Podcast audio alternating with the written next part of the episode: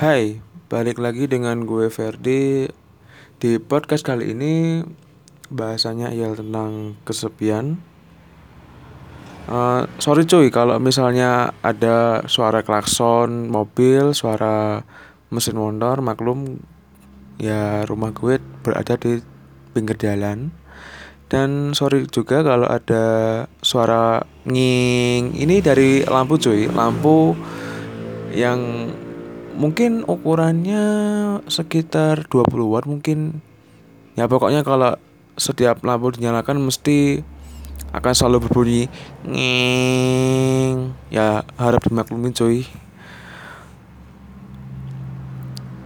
Gue baru pulang dari ngopi ya kan? Ngopi. Ya kan sekarang gue lagi liburan kuliah nih. Libur kuliah selama kurang lebih satu setengah bulan satu setengah bulan. Dan beberapa hari yang lalu gue juga barusan liburan dari Pacitan. Untuk liburan sendiri ke Pacitan sendiri udah gue upload di video sebelumnya di podcast sebelumnya. Sebelum gue bahas tentang topik kali ini yaitu kesepian. Gue mau ceritain dikit nih tentang uh, tentang apa ya? Bentar. Baru? Bentar bentar bentar. Benar cuy benar oh ya tentang kenapa gue selalu ingin menjadi podcaster. Atau lebih tepatnya sih penyiar radio. Jadi gini cuy. Dulu sebenarnya gue itu nggak suka ngomong nggak suka apa ya ngomong belibet belibet kayak begini. Tapi semenjak gue tahu kalau podcast podcast itu merupakan apa ya merupakan salah satu karya yang bisa dibilang itu keren dan simple maka dari itu gue ya coba-coba aja untuk bikin gitu loh. Apalagi ada beberapa inspirasi itu suara motor lewat ada beberapa inspirasi dari kanal-kanal YouTube. Btw kalau dengerin podcast mesti selalu di YouTube. Di antaranya TNM terus Deddy Corbuzier terus apa lagi ya? Hmm, dan masih banyak lagi tapi kalau lo tanya favorit gue sekarang ya di NM itu yang Lunatic Podcast. Nah semenjak gue dengerin Lunatic Podcast yang dibawakan oleh Bang Andri gue coba-coba nih untuk iseng-iseng ya kan bikin satu dua gitu. Dan termasuk ini juga ini merupakan pod rekaman yang keempat rekaman yang keempat. Dan, dan ya moga-moga aja gue semakin belajar eh semakin belajar semakin mau belajar dan semakin giat lah untuk rekaman. Soalnya ya iseng-iseng aja gitu loh. Sama seperti seboyan Tokopedia mulai aja dulu ya kan? Asik. Oke. Okay. ya.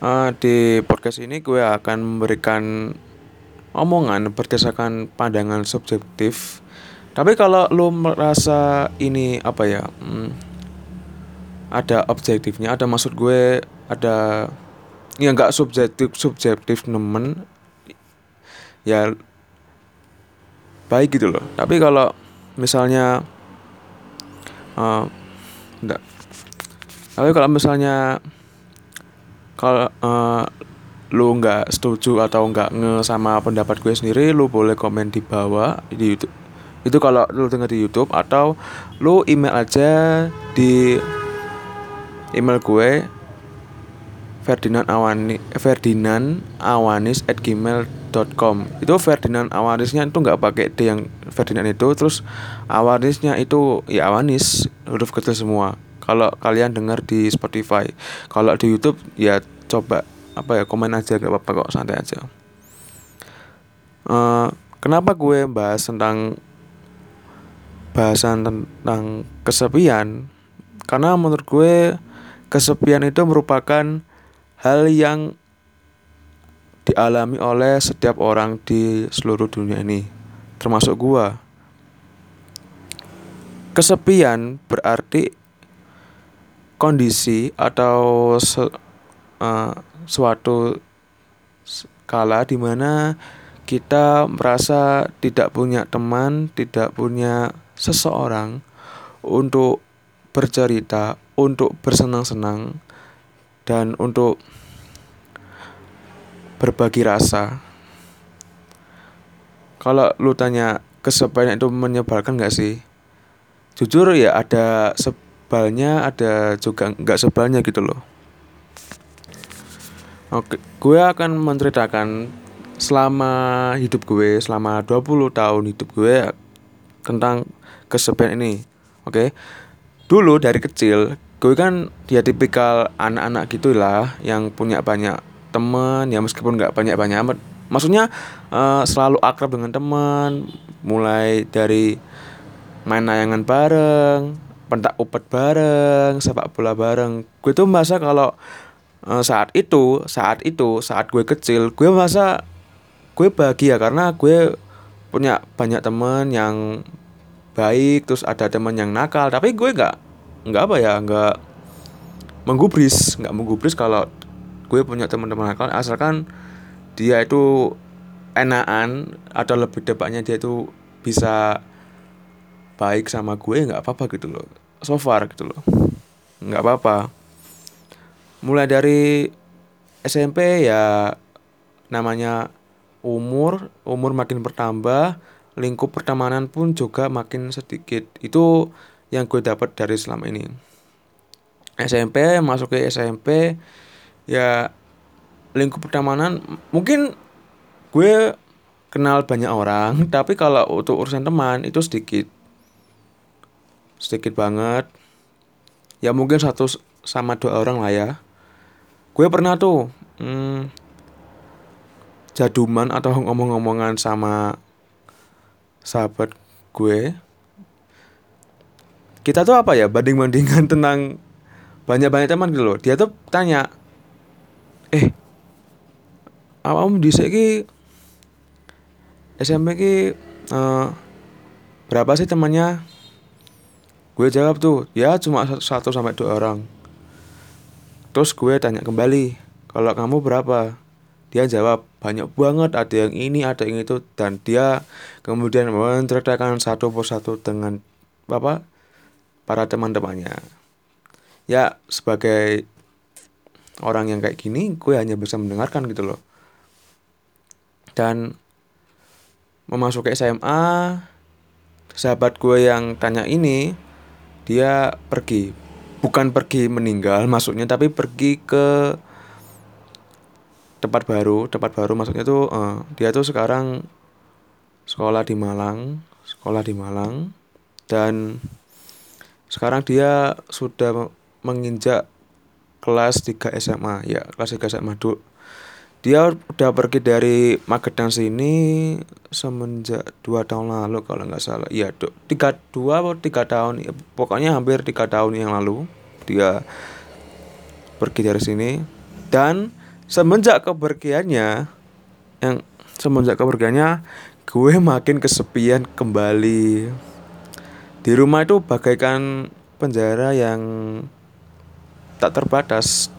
Penjara yang hening penjara yang seolah-olah hanya ada tembok. Kita mau bernapas saja susah. Kita mau melihat cahaya yang bernama keramaian. Apa keramaian sih? Cahaya yang bernama um, teman curhat itu susah ya kan? Sebenarnya apa ya? Gue sekarang kan tinggal sama kakek dan nenek gue di desa ya kan? Tapi selama 10 tahun lebih tinggal gue nggak sering-sering amat cerita sama mereka berdua. Karena apa? Ya karena uh, menurut gue pemikirannya orang tua dan orang muda itu berbeda. Jadi gue akan menceritakan masalah dengan orang yang menurut gue pemikirannya klop sama gue. Jadi misal gue punya masalah begini terus gue cerita ke nenek gue. Dan nenek gua itu apa ya?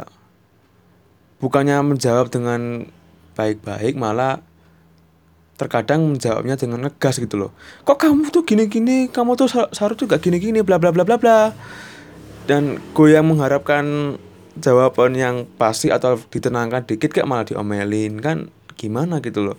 Mau melawan ya dosa mela mau melawan ya tambah ribet kan. Ya udah jadinya gue apa ya apa-apa nggak cerita sama nenek gue kecuali itu bener-bener something important gitu loh something important. Uh, walaupun gue apa ya jarang bercerita tapi setidaknya ada sih beberapa teman yang mau diajak bercerita. Salah satunya si B si B ad, hmm, si B ya si B. Lebih enaknya kita sebut si B. Si B ini walaupun gue jarang ketemu jarang berkomunikasi kan dia kan dulu di semester 2 itu bareng gue ikut UKM UKKI kan unit unit kegiatan kajian Islam. Nah, walaupun kita jarang ketemu dan sekarang apa ya makin jarang berkomunikasi, tapi semenjak beberapa beberapa yang lalu gue kan ketemu sama dia nih sama dia. Dia kenal gue dan gue kenal dia ya kan? Ya sama-sama kenal gimana sih? Kita tuh apa ya klub aja gitu loh. Klub aja. Gue tuh dan dia mempunyai role masing-masing. Dia tuh sebagai pembicara, pembicara kok ya, pembicara. Gue sebagai pendengar. Jadi kita tuh mendapatkan porsi yang masing-masing. Dia itu kapan untuk berbicara dan ka dia tuh kapan untuk mendengar. Sementara gue, dia tuh eh gue itu kapan berbicara dan kapan untuk mendengarkan. Jadi dia itu apa ya nggak selalu banyak omong, banyak berbicara. Dan gue tidak selalu mendengarkan dan juga ya dikit-dikit ngomong lah. Kan namanya conversation itu apabila terjadi yang enak apabila kedua belah pihak itu saling mendapatkan jatah bicara satu sama lain. Kalau misalnya yang satu ini selalu banyak ngomong dan yang satu ini hanya mendengar dan tidak mendapatkan jatah untuk bercerita ya it will be no happen it will be no happen ya ampun. Tidak akan berjalan dengan semestinya gitu loh. Ya meskipun gue dan B ini akan jarang bertemu tapi setidaknya saat itu ya tapi setidaknya gue merasa punya teman saat itu punya teman untuk ngobrol saat itu. Dan gue harap ya mulai hari ini dan seterusnya gue ya dapat teman yang sekiranya mau berbagi cerita. Jadi kita tuh apa ya namanya saling membagi cerita gitu loh. Yang nama namanya teman itu kan juga harus saling berkomunikasi ya kan? Moga-moga aja sih suatu saat kebut ya baru kepikiran ngomong-ngomongin soal komunikasi nih ya kan saya dari lahir sampai sekarang yang berumur 20 tahun ini belum pernah merasakan yang namanya pacaran. Pacaran ya. Kalau kalian tanya soal dunia perbucinan, pacaran, hubungan antara cewek dan cowok, bukan sesama jenis loh, bukan, bukan, jangan. Uh, gue nggak akan bisa menjawab dengan tepat mungkin gue akan bisa menjawab menurut pengalaman yang gue dapat dari beberapa orang, beberapa cerita dari kawan. Tapi kalau misal kalau lu cerita, apa ya kalian cerita suruh cerita pengalaman gue pacaran, sorry, I'm sorry, I'm say to sorry, gue nggak akan bercerita karena apa ya, gue belum pernah mengalami gitu loh enaknya pacaran itu kayaknya apa ya? Ya gitu. Menghilangkan rasa kesepian. Selalu dapat semangat ya kan? Misalnya nih gue kan stuck tugas kuliah ya kan? Terus gue minta tolong sama cewek gue terus dia mau membantu. Ya meskipun membantunya hanya support doang. Ya semangat ya. Ya semangat. Ayo aku bantu tuh. Ayo ayo ayo ayo. Semangat semangat. Nah nggak apa-apa. It's okay. Setidaknya gua mendapatkan mendapatkan support dari seseorang gitu loh. Aduh. Ya Tuhan kapan gua bisa bicara aduh entahlah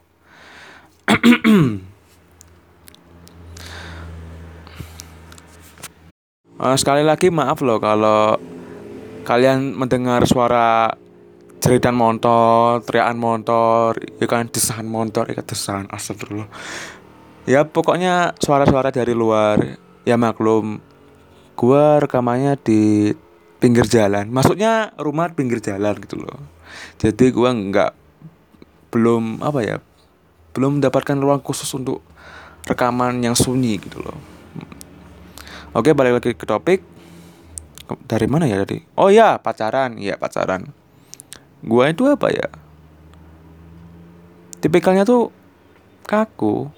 Tipikalnya tuh entah kenapa setiap gua berada di suatu tempat dan secara tidak sengaja gua duduk bersama seorang cewek, gua akan kaku, men. Gua akan diem sediem-diemnya batu gue akan berbicara bila gue itu ditanya dulu sama si cewek ini. Si, pokoknya diajak obrolan dulu sama orang lain baru gue akan menjawab dengan senang hati. Dan kemudian gue akan mencoba bertanya bertanya bertanya dan berceritalah gitu. Ya mungkin terkadang bisa sih kalau gue mencoba untuk memulai conversation tapi itu terkadang sekali. Dan gua akan melakukan itu apabila gua melihat orang ini gitu melihat apakah orang ini bisa diajak kompromi apakah orang ini bisa diajak conversation gitu loh. Nggak semua orang nggak semua orang. Ya walaupun gua sekarang merasa yang namanya kesepian tapi it's fine for me gitu loh. Ada beberapa media yang bisa menambal rasa kesepian ini. Salah satu apa ya? Contohnya media sosial, YouTube, tul menulis, nonton film. Ya meskipun filmnya itu nggak serasa kita bercerita dengan orang lain, berkomunikasi dengan orang lain, tapi setidaknya apa ya bisa menambal dikit lah, menambal dikit lubang kesepian ini. Daripada lo nggak ngapa-ngapain cuma mikir doang mikirin hidup ya Tuhan kenapa gue kok kesepian banget? Apa salah gue? Ya mending lo ngapain kek? Gitu loh nulis kayak olahraga kayak kan rasa itu kan akan hilang sendiri dan lo akan menerima dengan lapang dada gitu loh mumpung nih kalau kalian dengar ini dan kebetulan kalian sekarang uh, lagi berantem sama pacarnya saran dari gue yang jomblo dari lahir ini mending kalian coba deh lebih komunikasi karena the communication is important thing for relationship. Komunikasi itu ialah hal yang penting dari sebuah hubungan entah itu dari dengan orang tua dengan pacar dengan teman sendiri dengan saudara sendiri dengan diri sendiri pun kalau nggak komunikasi nggak akan berjalan sesuatu. Coba deh kalau lo pernah ngomong lo masa nggak nyaman deh dengan sikap dia. Lo coba pel ngomong pelan-pelan. Nanti akan ketemu jalan keluarnya deh dan lo nggak akan masa kesepian kayak gua gitu loh. Dan kalau misal sekarang ini gua kesepian atau kalian juga kesepian saat ini nggak apa-apa. Terima aja.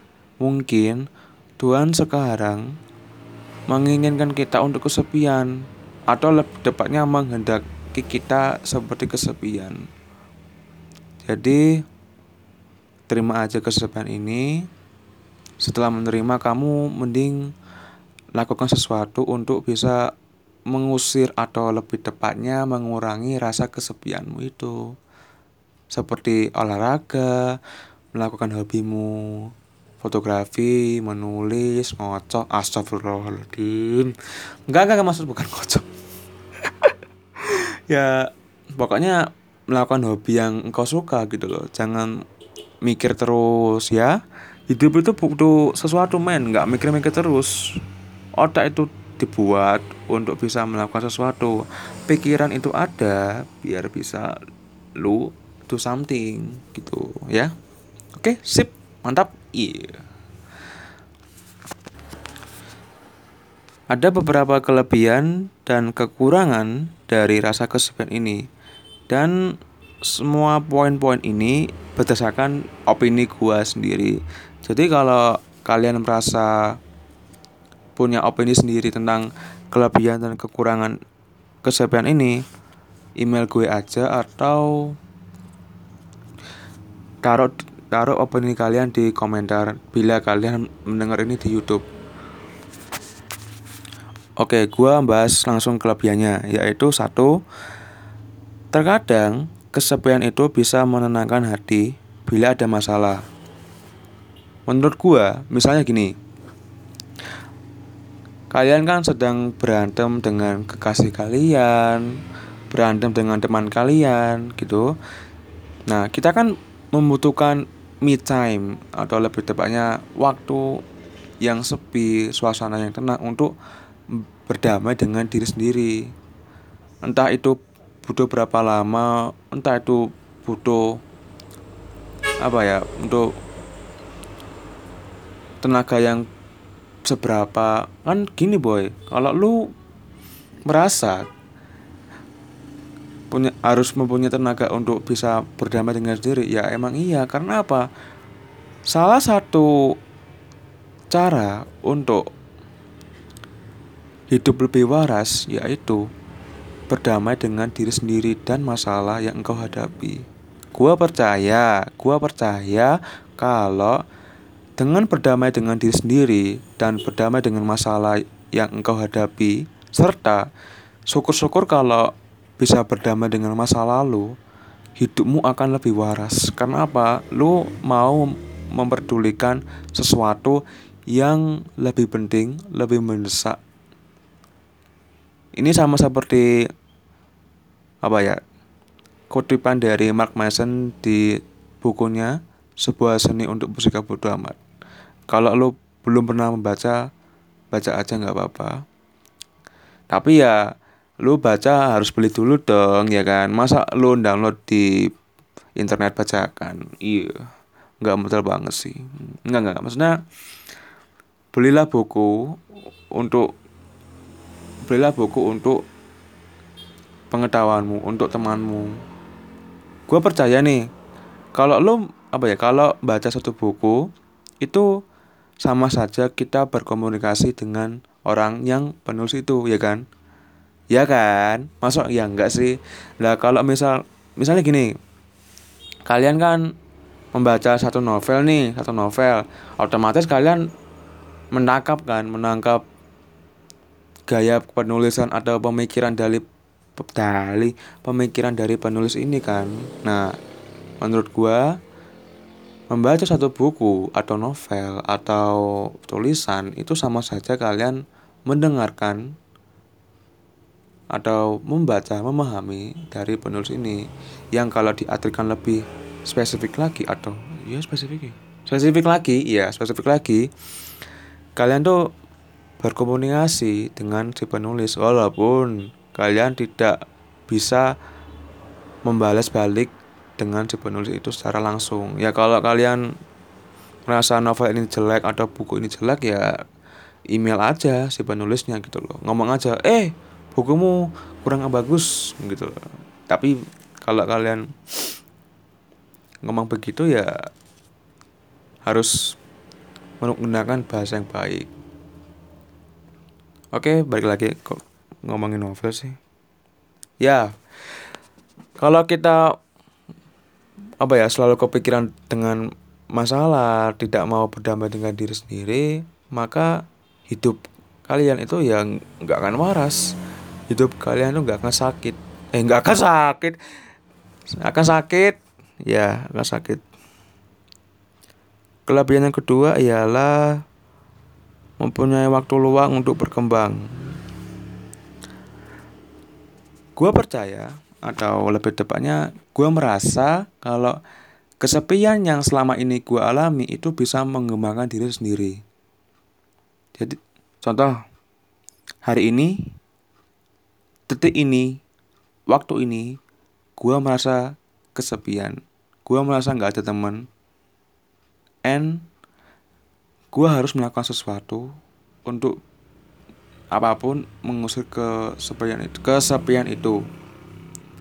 Sama seperti gue omongan tadi ya bisa mulai melakukan hobimu.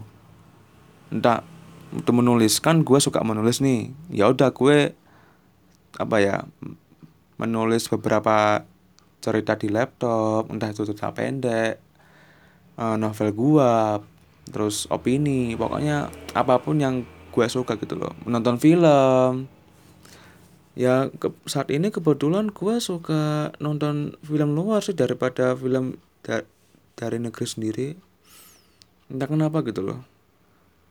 Atau bisa belajar bahasa asing ya kan. Pokoknya do something for your increase your talent.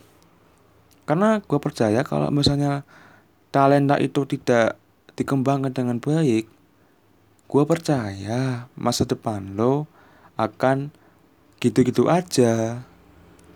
Gitu. Saking gitunya ya hidup lo akan gitu-gitu aja. Lo akan merasa kalau lo ketinggalan dengan teman-teman lo karena lu dari saat ini lu nggak akan melakukan sesuatu. Percaya gua percaya gua udah percaya gua ya. Kelebihan yang ketiga yaitu belajar lebih dewasa. Selama gua hidup ini gue kan kadang terkadang lebih tepatnya sering merasa kesepian. Dari rasa kesepian itu gue bisa belajar kalau misalnya suatu hari nanti di saat umur gua makin bertambah lingkup pertemanan gua makin menyempit. Dan apa ya kenapa menyempit? Ya banyak faktor yaitu uh, di antaranya sibuk dengan urusan masing-masing terus sibuk dengan urusan masing-masing terus kitanya juga sibuk dengan masing-masing. Terus apalagi ya? Ya pokoknya masih banyak faktor lah tapi faktor yang gua inget itu ya sibuk dengan urusannya masing-masing. Dengan kesep, rasa kesepian ini kita tuh apa ya bisa belajar banyak hal. Pokoknya sama lah seperti poin kedua kelebihan tadi kita tuh bisa belajar banyak hal. Dengan belajar banyak hal yang baik dan benar, maksudnya dengan media yang baik dan benar, kita tuh menjadi lebih kritis, bisa menjadi lebih dewasa lagi, bisa berdamai dengan diri sendiri. Pokoknya dari ketiga poin kelebihan ini itu intinya sama. Berdamai dengan diri sendiri dan berdamai dengan masalah yang kau hadapi. Pokoknya dari tiga poin ini ya intinya sama gitu loh. Yang namanya kelebihan kan ada kekurangan nih, ya kan? Bagaikan yin dan yang itu yin tidak akan bersatu, tidak akan ada bila ada yang. Hitam tidak akan ada bila tidak ada putih. Jadi kelebihan dan kekurangan itu akan saling melengkapi kalau menurut gua sih kelebihan dan kekurangan bila bersatu itu akan menciptakan suatu bulatan yang disebut kesempurnaan. Kalau lo merasa hidup lo nggak sempurna diri lo nggak sempurna ya itu menurut gua uh, salah sih. Karena lo kan punya kekurangan dan lo punya kelebihan dan dari kelebihan ke dan kekurangan itu membentuk suatu lingkaran yang bernama kesempurnaan. Masuknya kesempurnaan itu ya lalu nggak bisa melakukan kelebihan-kelebihan dari orang lain dan lu mempunyai kekurangan yang tidak dimiliki oleh orang lain sehingga lu bisa menciptakan perdamaian diri yang disebut dengan kesempurnaan itu sih yang menurut gue selama ini mikir tentang kes kesempurnaan itu sendiri. Ya balik lagi dengan kekurangan ini. Ada beberapa poin yang gue udah tulis tentang kekurangan kesepian ini yaitu satu tidak ada seseorang untuk bercerita. Sama seperti omongan gue tadi kalau kita nih kita nih ya kan? Terus dah gue aja dua gua aja ya. Kok kita sih? Gue aja. Gue kan sekarang udah pengen banget cerita ke seseorang. Cerita rahasia yang benar-benar gue ingin cerita ke seseorang ke seorang teman yang benar-benar gue percaya. Tapi there is no someone to hear my story to hear my secret to save my secret. Nggak ada seseorang yang bukan nggak mau sih tapi lebih tepatnya tidak ada seseorang untuk mendengarkan rahasia gua. Jadi sebagai manusia normal nih kita kan pasti mempunyai rahasia dan entah kenapa rahasia ini kita tuh mau cerita kita tuh mau menceritakan kepada orang yang sekiranya menurut kita itu apa ya bisa menjadi tempat yang baik tidak ember. Ibaratnya kita mau menyimpan rahasia itu di brankas yang kokoh eh, di brankas dengan setriliun kunci sandi yang tidak bisa ditembus gitu. Tapi waktu tidak akan berjalan apabila semesta tidak menghendaki dan apabila kalau kalian merasa kesepian saat ini mungkin itu kekurangannya. Nggak ada seseorang untuk diajak bercerita. Dan kekurangannya kedua itu ialah lebih mudah cepat bosan.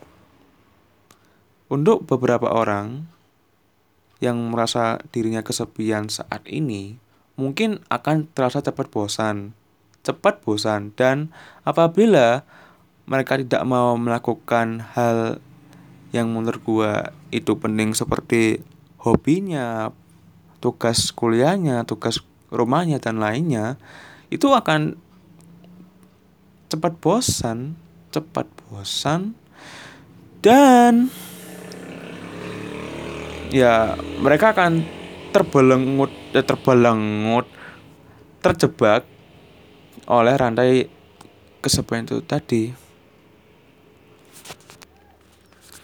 Poin ketiga dari kekurangan kesepian ini ialah untuk beberapa orang kesepian merupakan mimpi buruk.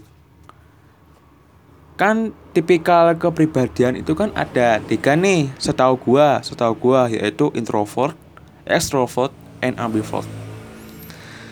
Untuk introvert seperti gua atau mungkin kalian, kesepian itu merupakan sesuatu yang wajar. Wajar banget. Saking wajarnya ya kita tuh sering kali ngomong sendiri. Gue ini pernah ya atau lebih tepatnya sampai saat ini ngomong-ngomong sendiri curhat ke orang curhat eh curhat ke diri sendiri. Dan dulu pas kapan ya? Saat kecil gue sering diomelin sama nenek gue karena gue itu kayak orang gila kayak nggak punya temen dan lain hal. Tapi saat ini nenek gue memaklumi kalau gue itu ya mungkin gila maybe atau mungkin gue kesepian dan itu nggak apa-apa. Kalau kalian introvert dan masa kesepian dan meras apa ya pernah ngomong sendiri itu nggak apa-apa ada beberapa hal eh ada ada satu keuntungan ten, tentang ngomong diri sendiri Mungkin ini akan terdengar ya subjektif atau agak rancu atau nggak masuk akal lah. Yaitu uh, kalian itu bisa mengontrol diri sendiri. Jadi dengan adanya ngomong diri sendiri, ngomong kepada diri sendiri itu kalian bisa mengontrol untuk melakukan sesuatu. Misalnya nih, misalnya nih, kalian kan astagfirullahaladzim motornya, aduh kenceng banget. Maaf maaf ya. Misalnya nih, kalau kalian kalian sedang tengah malam berada di tengah malam aduh berada di tengah malam terus kalian buka situs-situs dewasa situs-situs yang yang yang begitulah ya. Dan kalian ingin ingin ingin ingin ku teriak. Iya ingin ya ingin melakukan itu gitu loh. Yang namanya rangsangan itu kan nggak bisa diatur dia kan? Pasti kalian akan melakukan hal itu ya kan astaga. Untuk cowok ya gue tanya sama lo kalau lo merasa cowok lo pasti akan melakukan hal itu kan? Iya enggak? Kalau lo merasa cowok lo aduh aduh. Ya, apa ya? Kalau misalnya kalian melakukan itu ya nggak apa-apa gitu loh. Kalau misalnya kalian melakukan itu dan mungkin terpuaskan ya nggak apa-apa. Setidaknya kalian bisa mengobati rasa kesepian itu tadi. Gitu. Atau mungkin kita pakai contoh yang halus ya. Jangan pakai contoh yang absurd tadi. Uh, gini. Misalnya gua sekarang ini chat WA, chat Facebook, IG, nggak ada DM, itu kan sepi banget, bagaikan kuburan yang baru baru banget. Apa sih? Pokoknya kuburannya lah, kuburan, kuburan yang baru banget. Nah, kita itu bingung harus ngapain. Nah, itu kembali lagi di poin kelebihan atau omongan gue tadi ya kita itu harus do something do something yang seperti hobi kita gitu loh ya mungkin gue terkadang ya stuck banget bingung mau ngapain de, uh, bingung bingung mau ngapain saat gue kesepian itu tadi. Makanya kalau gue bingung mau ngapain gue mencoba untuk tidur. Iya tidur. Mimpi indah atau mimpi buruk ya pokoknya gue tidur. Tidur mungkin otak gua ini lelah untuk berpikir terus menerus iya. Saking lelahnya ya otak gua mungkin menyuruh gua untuk tidur gitu. Uh, gue kan udah ngomongin sisi apa sih namanya? Kesepian menurut introvert kan? Dan gue akan berbicara untuk sisi ekstrovert. Mungkin menurut gue kesepian itu merupakan mimpi buruk bagi ekstrovert. Ekstrovert itu ialah apa ya pribadi yang paling ceria yang paling luas yang paling kaku berkebalikan dengan introvert. Kalau kalian nggak tahu nggak tahu introvert extrovert atau ambivert ya cek aja di Google kan banyak. Mungkin untuk extrovert mimpi buruk itu kesepian. Karena mereka akan stres sendiri gitu. Saking stresnya ya akan marah-marah sendiri. Seperti orang gila mungkin akan sambat-sambat dewe koyo wong kelangan duwe ya kan? Siapa ngerti kan? Iya betul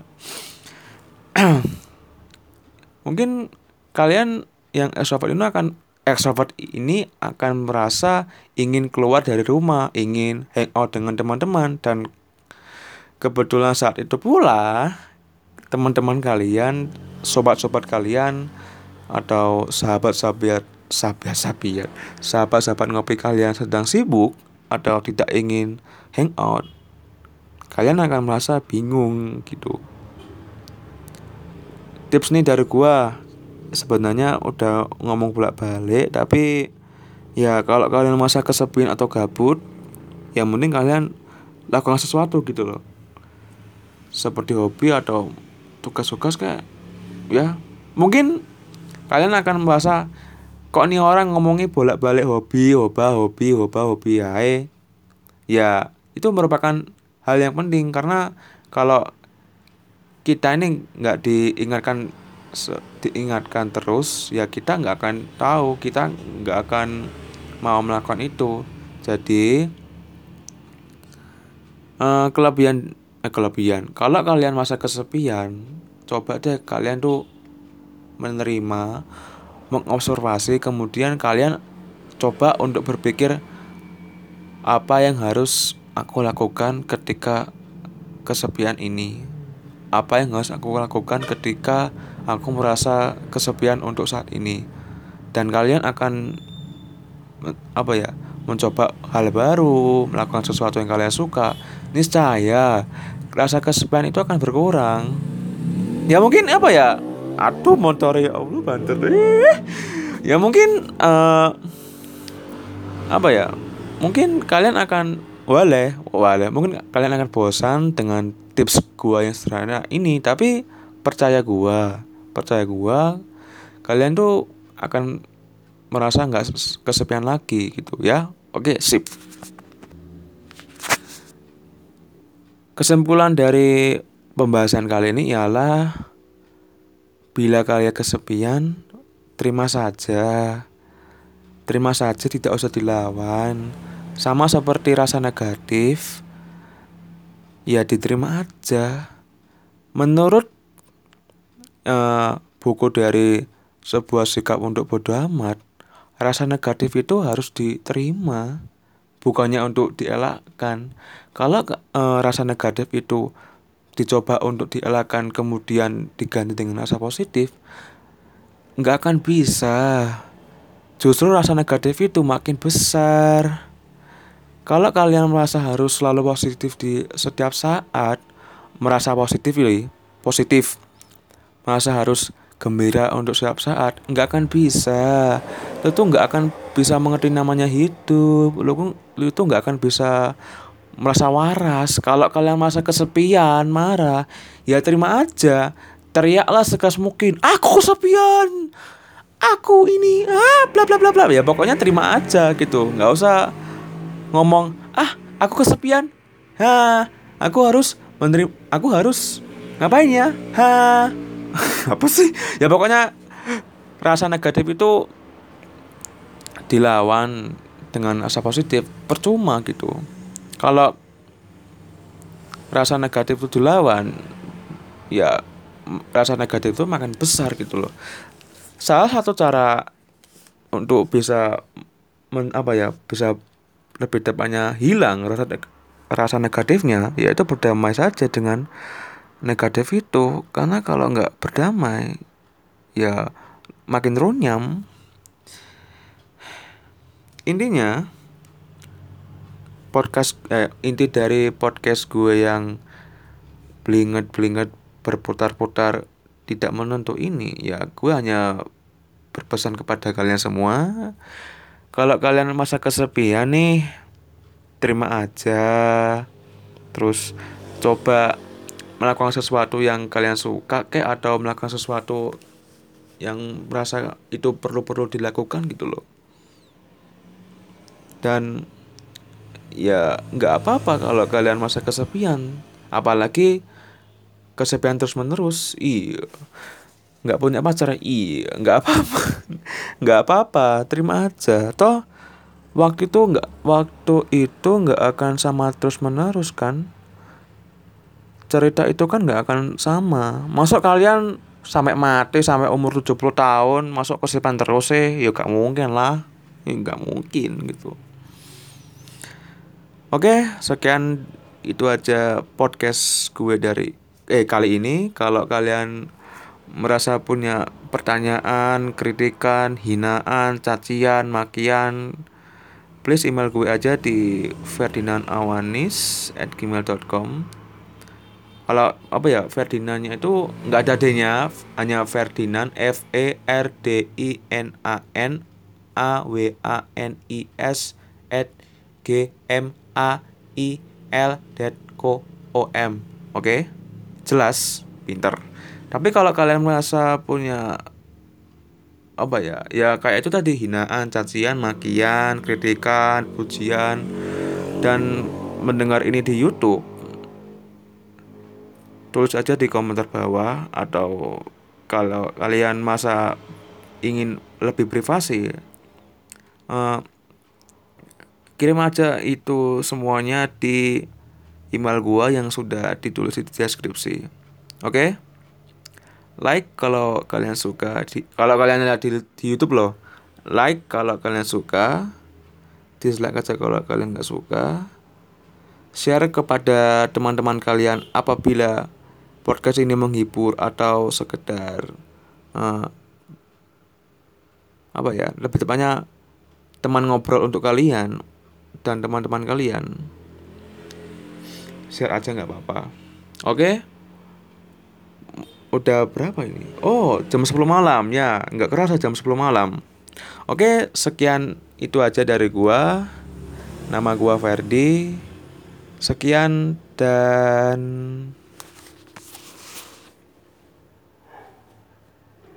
Oh, ini. Aduh, ngantuk, ngantuk. Kok ya aku ngantuk tuh, yo, yo. Parah aku men, men.